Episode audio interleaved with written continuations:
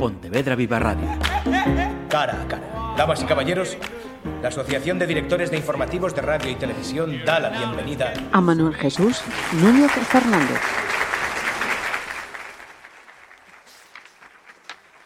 Brancardier no levantaba los ojos del libro que tenía en las manos y al mismo tiempo escuchaba atentamente el diálogo entre ancianos.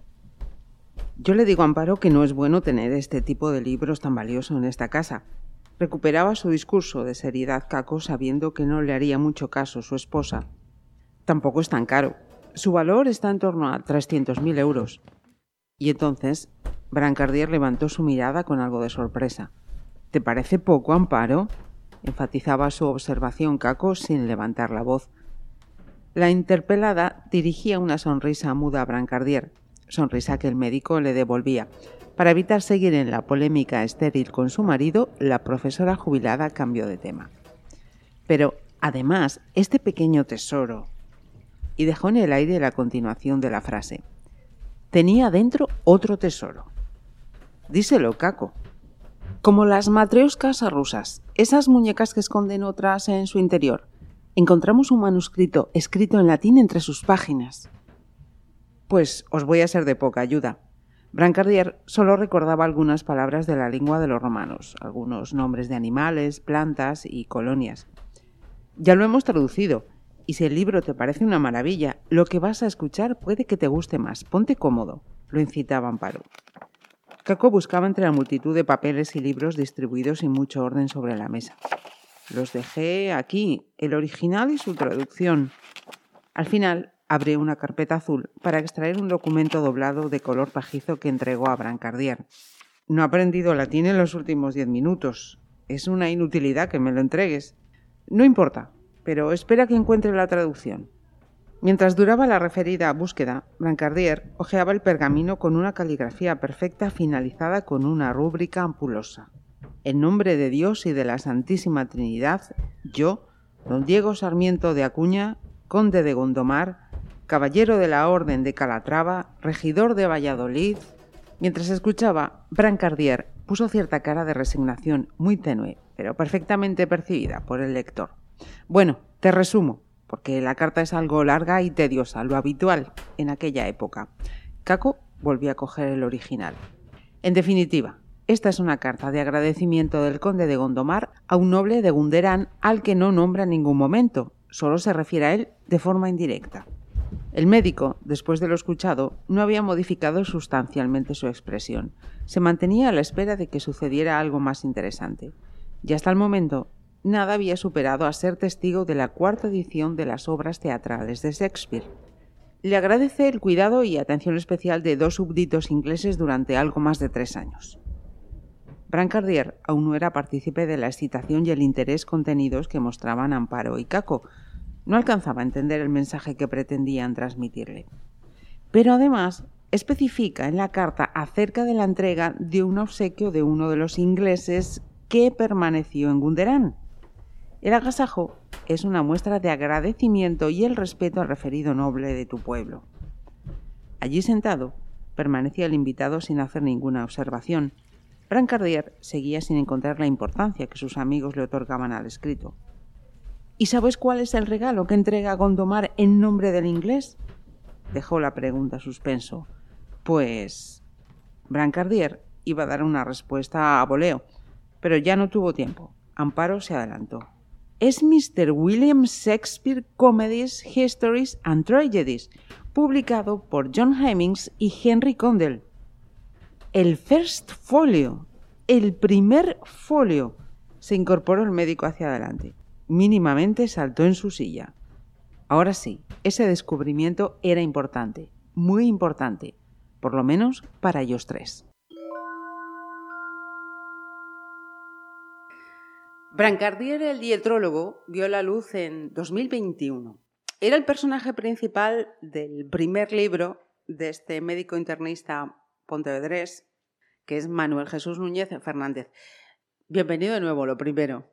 Muchas gracias, Marisa. Y he hecho la, pausa, porque eres pontevedrés, provincia de Pontevedra, pero hay que decir mm, concretamente del morrazo, de Cangas, que todo el mundo lo sepa. Sí, sí, que quede muy claro. un año después eh, de ese primer libro, meses arriba, meses abajo, nos trae Ya el pasado dirá, que va a presentar además este próximo 12 de abril en el Colegio de Médicos. Mm, se te han pegado las letras, ¿eh? O sea, que, te ha calado el gusanillo este de, la escritura, Manuel. Pues eh, se podría entender que sí, y quizás en ese momento sí, sí que se me pegó. Eh, ahora la verdad es que llevo una temporada que no estoy escribiendo nada, pero bueno, debe ser como épocas de altibajos. En aquel momento, no sé, después de terminar el primer libro, sí, tenía ganas de escribir otro y la verdad es que fue como bastante más rápido. El primero tardé casi nueve años y ese en menos de doce meses ya viera la luz. Caramba. ya el pasado dirá nos da una pista, yo creo que, que más de una, y sigue teniendo como protagonista a este médico tan carismático además como es Brancardier, que sigue siendo dietrólogo, ya hemos aprendido lo que es ser dietrólogo, sigue recitando poemas y, se muestra en mayor grado un concienzudo investigador. No tengo nada que añadir más. lo has definido correctamente, tal cual. En la trama que nos traes, eh, la trama historia, hay mucha historia con mayúscula eh, y literatura. Sí, sí. Shakespeare y el First Folio. Damos por hecho que no necesitemos explicar quién es Shakespeare, pero ¿qué es el First Folio, Manuel? El First Folio es el nombre que recibe eh, la primera edición de las obras completas de Shakespeare. Eh, eh, dos amigos de él, después de que falleciera Shakespeare, dos amigos y compañeros en teatro, actores, decidieron hacer una recopilación de todas las obras que había escrito Shakespeare y al final el libro cuenta con 36 obras de teatro. Y eh, esa es la primera edición que nace, que vio la luz en 1623. Y ahí eh, esas 36 obras en un solo libro se llama el First Folio. Es la primera edición de las obras teatrales de Shakespeare. La portada del libro podría decirse que es una declaración de intenciones. Tenemos a Shakespeare y tenemos la, costa de la ría de Vigo.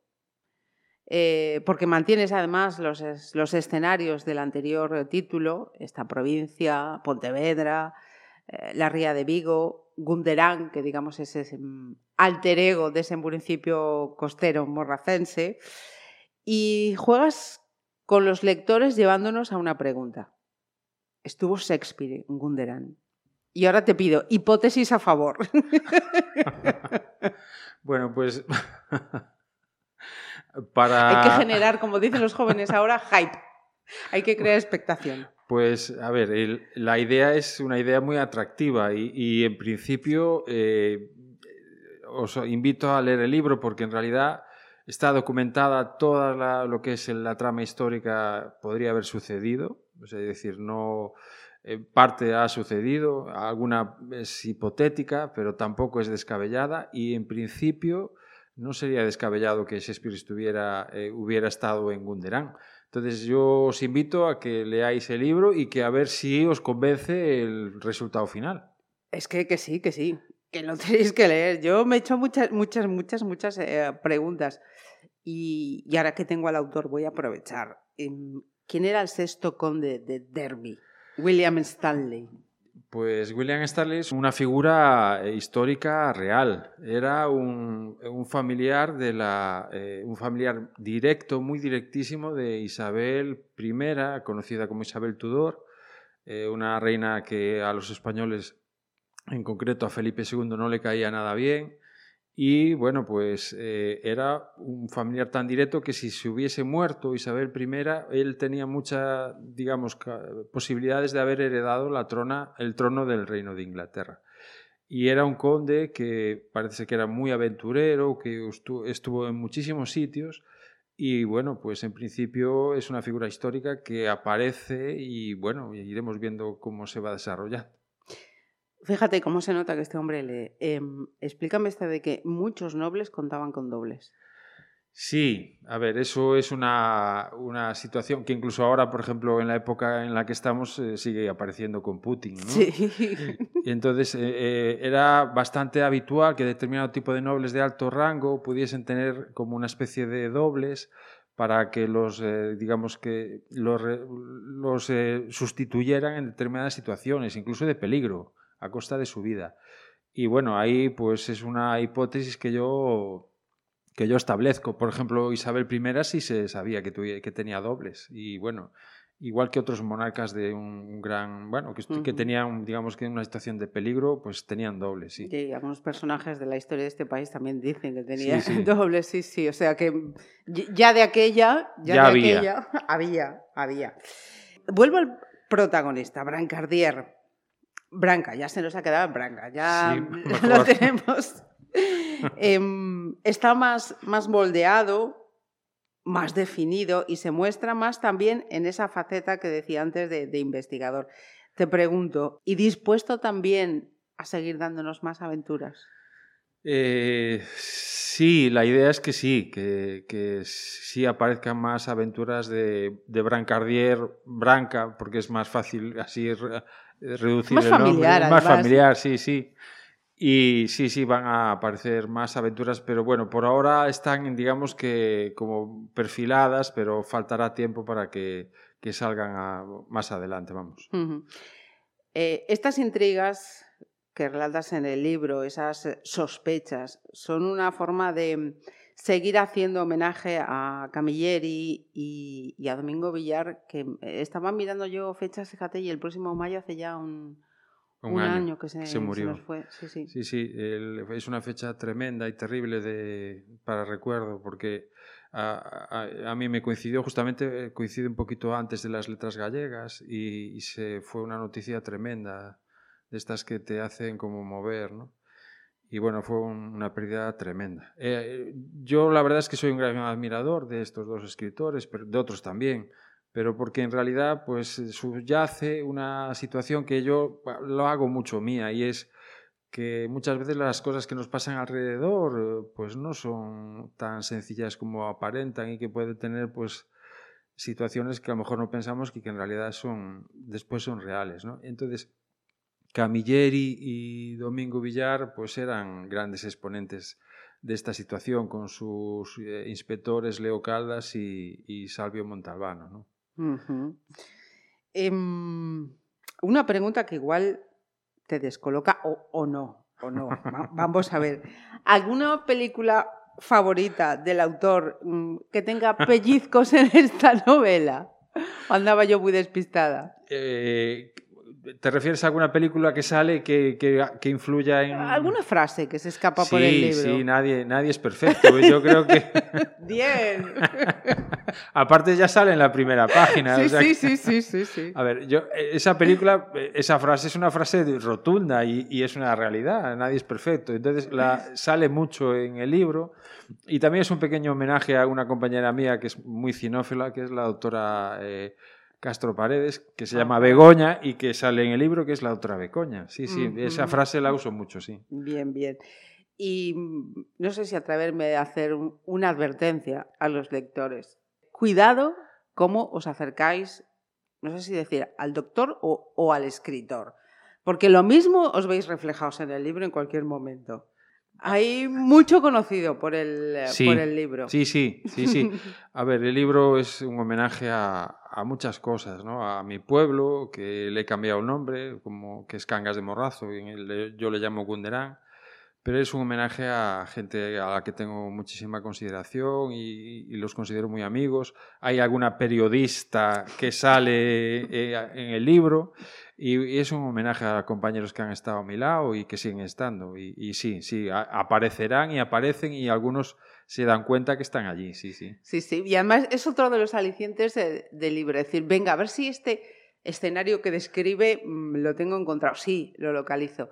Y, este personaje, mm, ah, puede ser aquella persona que Sí, sí, sí, sí. Tiene, tiene doble lectura este libro. Sí, aparte de personas hay escenarios, escenarios reales, que la gente que conozca el morrazo y Cangas eh, lo sabrá identificar de forma totalmente fidedigna. Saben exactamente a, qué sitios me refiero. Y, son sitios dignos de visitar, desde luego que sí. Sí, sí, sin duda alguna. Y tú lo sabes, Marisa, perfectamente. Y de esta capital y de Pontevedra también. También, también, perfecto. No me puedo olvidar de Pontevedra y de las calles, la, la descripción de la zona de la Su paisaje humano incluso. Y efectivamente haciendo mención a algún pianista que aparece también, algún librero de la también, zona. También, sí, sí, sí, sí. Tiene, tiene muchas eh, lecturas. Si queréis eh, más detalles, disfrutar un poquito más de este libro, además de comprarlo, que lo tenemos. Has cambiado, por cierto, de editorial, lo decíamos antes. Has pasado a Círculo Rojo, ¿cómo lo conseguimos? Eh, lo podemos encontrar físicamente en dos librerías en Pontevedra. Una es la librería Cinania, eh, con Guillermo y, Ani, y que está en la carretera de Vigo, y luego está la librerías de papéis que está en Cruz Gallastegui eh, con Conchi y Manuel. Entonces se puede encontrar allí físicamente, lo podéis encontrar y alguna gente que tenga que no esté en Pontevedra y que le resulte complicado, pues se puede pedir a, través de Amazon o en cualquier librería se puede pedir también. Pues ya sabéis, ya el pasado dirá, que además es eso, tiene, tiene ese pozo gallego de esa expresión, ya el pasado dirá. No sé si te salió o fue intencionado. Uy, lo del título, ya lo verás, tiene una historia tremenda, porque me costó muchísimo y, tú sabes que el título del primer libro es desastroso. y yo creo que echó mucha gente para atrás el comprarlo. Es más, muchas veces eh, sé de anécdotas que fue gente a comprarlo y no eran capaz de completar el título porque es un verdadero trabalenguas. Entonces me propuse que esta vez el título tenía que ser muchísimo más sencillo y por eso utilicé una frase así, como dices tú, muy gallega, ya el pasado dirá y que hace totalmente se es muy exacta lo que sucede en todo el libro, desde luego que sí. Y, mucha retranca, que no, que no falta y que acompaña a infinidad de, de los personajes y al protagonista, como no puede ser de otra manera presentación, colegio de médicos. Esta vez te vas a. Juegas en casa, ¿no? Como dirían los, los futbolistas. Juegas en casa.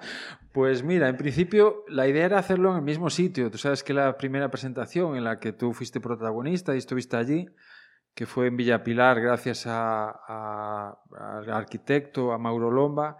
Esta vez no ha sido posible, no porque él no quisiera, sino porque ya había cambiado lo que es eh, la funcionalidad del, piso. Entonces, nada, tuve que buscar un, un sitio en el que pudiera digamos, algo de espacio para que pudiéramos estar cómodos. Sé que será imposible que se llene, pero por lo menos que estaremos bien.